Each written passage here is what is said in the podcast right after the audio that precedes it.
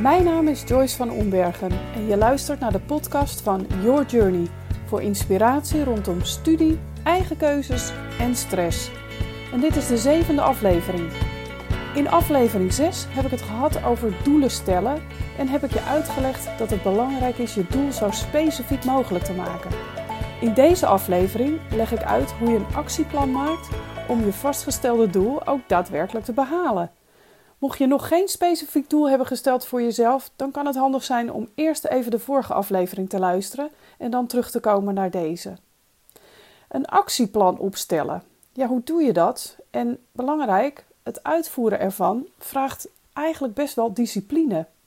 Het opstellen van een plan zelf is relatief makkelijk, maar de, de echte uitdaging zit in het daadwerkelijk gaan uitvoeren van je plan. Nou, om je op weg te helpen heb ik zeven stappen ontwikkeld die jou helpen met je actieplan. Dus pak pen en papier, zet de podcast even op pauze en schrijf mee als je wil. Nou, stap 1. Hoe heet je plan? Het is heel interessant en leuk om je plan een aantrekkelijke naam te geven.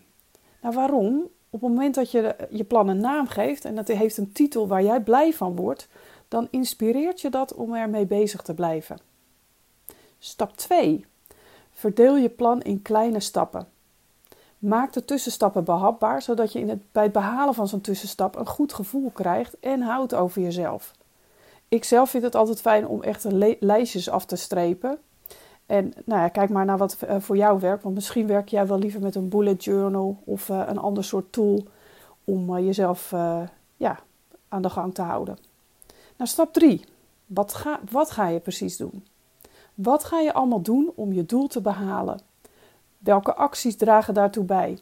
Schrijf alles op dat in je opkomt. Denk echt aan, aan de kleinste stapjes. Maak het dus ook echt hak het in stukjes, waardoor het uh, allemaal beter uh, te doen is. Stap 4. Wanneer? Op welke datum, en wees hier heel specifiek in, wil je je doel uiterlijk behaald hebben? Stap 5. Wat wil je bereikt hebben? Wat is je einddoel? En kies hier voor een SMART doel. En SMART heb ik in de vorige aflevering uitgelegd wat dat is en waar dat voor staat. Dus mocht je dat uh, nog niet gehoord hebben, ga dan nog even terug naar de vorige aflevering. Stap 6. Hoe weet je dat je je doel hebt bereikt? Wat zie, hoor of voel je als je je doel hebt behaald? Omschrijf dit zo gedetailleerd mogelijk. Stap 7. Met wie? Wie kan of gaat je helpen bij jouw plan? Aan wie kun je hulp vragen?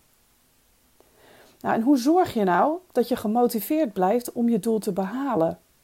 Je begint vaak vol enthousiasme, maar voor je het weet ligt je stappenplan, wat je zo mooi hebt opgesteld, onder een stapel kleding of huiswerk. Of er komen allerlei andere so-called belangrijke dingen tussendoor. En dan is die belangrijke keus hè, of dat doel verder weg dan ooit. Met alle dagelijkse informatieprikkels die we onder andere via social media op ons afkrijgen, is het heel makkelijk om afgeleid, afgeleid te raken. Nou, ik ben eigenlijk van mening dat wij onszelf af laten leiden. Ja, dat hoor je goed. Laten leiden. Nou, ik heb het al eerder gezegd. Het goede nieuws is dat jij zelf aan het stuur staat. Dus je kunt ook kiezen om je niet af te laten leiden. Maar ja, dat kan misschien voor jou op dit moment heel anders voelen. Want jij kunt er toch niks aan doen dat je de hele dag berichtjes krijgt via WhatsApp, Messenger, Instagram of welk kanaal dan ook. Of dat je druk bent met je huiswerk. Of dat je de hond moet uitlaten. Of puntje, puntje, puntje. Moet ik nog even doorgaan? Nou, sorry to break the news, maar daar kun je dus wel degelijk iets aan doen. Het is aan jou om je grenzen aan te geven en die grenzen te bewaken. Het is tenslotte jouw leven en daarmee mag je doen wat jij wil. En ik hoor je denken, ja, maar hoe dan? Ik, ik kan toch niet die vriend of vriendin laten wachten die me nu echt nodig heeft? En al die groepsappjes dan? Wat zullen ze wel niet denken als ik niet reageer? Ja, maar bla bla bla. Ik hoor je. En echt, ik snap je ook. Ik heb het ook moeten leren en ik zal je verklappen dat ik hier nog steeds wel eens mee worstel. Maar ik weet ook dat ik, sinds ik dit doe, hè, en voor mezelf dus ook uh, in de gaten houd, en weet hoe het werkt, dat het een stuk makkelijker gaat. En vooral dat ik mezelf en mijn omgeving en er een enorm plezier mee doe door goed voor mezelf te zorgen. Nou, om maar een cliché erin te gooien, als je namelijk niet goed voor jezelf zorgt, kun je niet voor de ander zorgen. Je kent vast die veiligheidsinstructies in het vliegtuig, in het vliegtuig waarbij ze uitleggen dat je eerst zelf het zuurstofmasker op moet zetten voordat je anderen gaat helpen. Nou, dat dus. De verantwoordelijkheid ligt dus echt bij jou, of je het nu leuk vindt of niet. De ander verander je niet, maar je eigen gedrag kun je wel degelijk veranderen. En ja, daar is moed voor nodig. Nou, wat kan jou daarbij gaan helpen? In ieder geval een aantal dingen die ik hier voor je ga opzommen. Dus pen en papier weer in de aanslag. Ten eerste, zoek steun. Zoek iemand waarmee je dit kunt doen in je directe omgeving. Vraag een vriend of vriendin of misschien een familielid om jou af en toe te vragen hoe het gaat. En vraag of je hem of haar op de hoogte mag houden van jouw proces om je doel te gaan behalen. Of kijk eens uh, in je omgeving of er iemand is die met hetzelfde worstelt als jij. En misschien ook in positieve zin gewoon met een doel bezig is. Dan kun je dus samen aan je doelen gaan werken. Nou, dan kun je via WhatsApp of Skype of uh, Zoom of wat dan ook met elkaar samen kijken hoe je elkaar kunt gaan helpen. Nou, naast dat het je enorm gaat helpen, is het vaak ontzettend leuk om het samen met iemand anders te doen. Om samen aan je doelen te werken. En ook, dus ook de succesje te vieren als je weer een mijlpaal hebt behaald. Daar dan elkaar ook uh, van op de hoogte stellen. Dat is echt uh, super motiverend.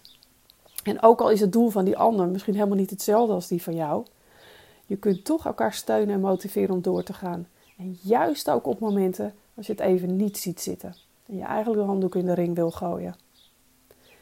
De tweede optie die kan helpen is zorg voor reminders. Om te zorgen dat je stappen gaat zetten richting je doel, is het belangrijk dat je jezelf aan je doel en het actieplan herinnert. Zo dwing je jezelf om er ook daadwerkelijk mee aan de slag te gaan. Maar hoe doe je dit? Nou, zorg dat je je doel of je plan elke dag ziet. Hang het ergens op een plek waar je veel komt. In je slaapkamer, misschien op de badkamerspiegel of op de koelkast. Of stel het in als achtergrond op je mobiel. Nou, alles om je maar te helpen om er constant bewust van te blijven. De derde optie, have fun. Aan jezelf en je doelen werken mag gewoon leuk zijn. En echt, er zijn meer mensen die door dit proces heen gaan, op weg naar doelen en op weg naar keuzes. En vraag om je heen en laat je verrassen. Als de ander niet weet dat je met dingen bezig bent, ja, dan dat mensen kunnen niet in je hoofd kijken, die kunnen niet ruiken waar jij mee bezig bent. Dus op het moment dat je gaat praten, gaat delen en hulp vraagt, nou, dan gebeuren er vaak hele leuke dingen. En de vierde optie, deel je doel met mij. Stuur me een mail via joyce@yourjourney.academy. En ik kan niet altijd meteen persoonlijk reageren, maar wees ervan verzekerd, ik lees alles. Nou, de laatste optie, uh, wellicht is uh, coaching uh, iets voor jou. Mocht je daar wat meer over willen weten, wat dat precies is, persoonlijke coaching, kun je op de website daar wat meer over lezen. Nou, hiermee ben ik alweer voor nu aan het eind van de aflevering gekomen. En wil je nou meer weten over studie, stress en eigen keuzes? Ga dan naar yourjourney.academy en volg ons op Spotify. Bedankt voor het luisteren en tot de volgende keer.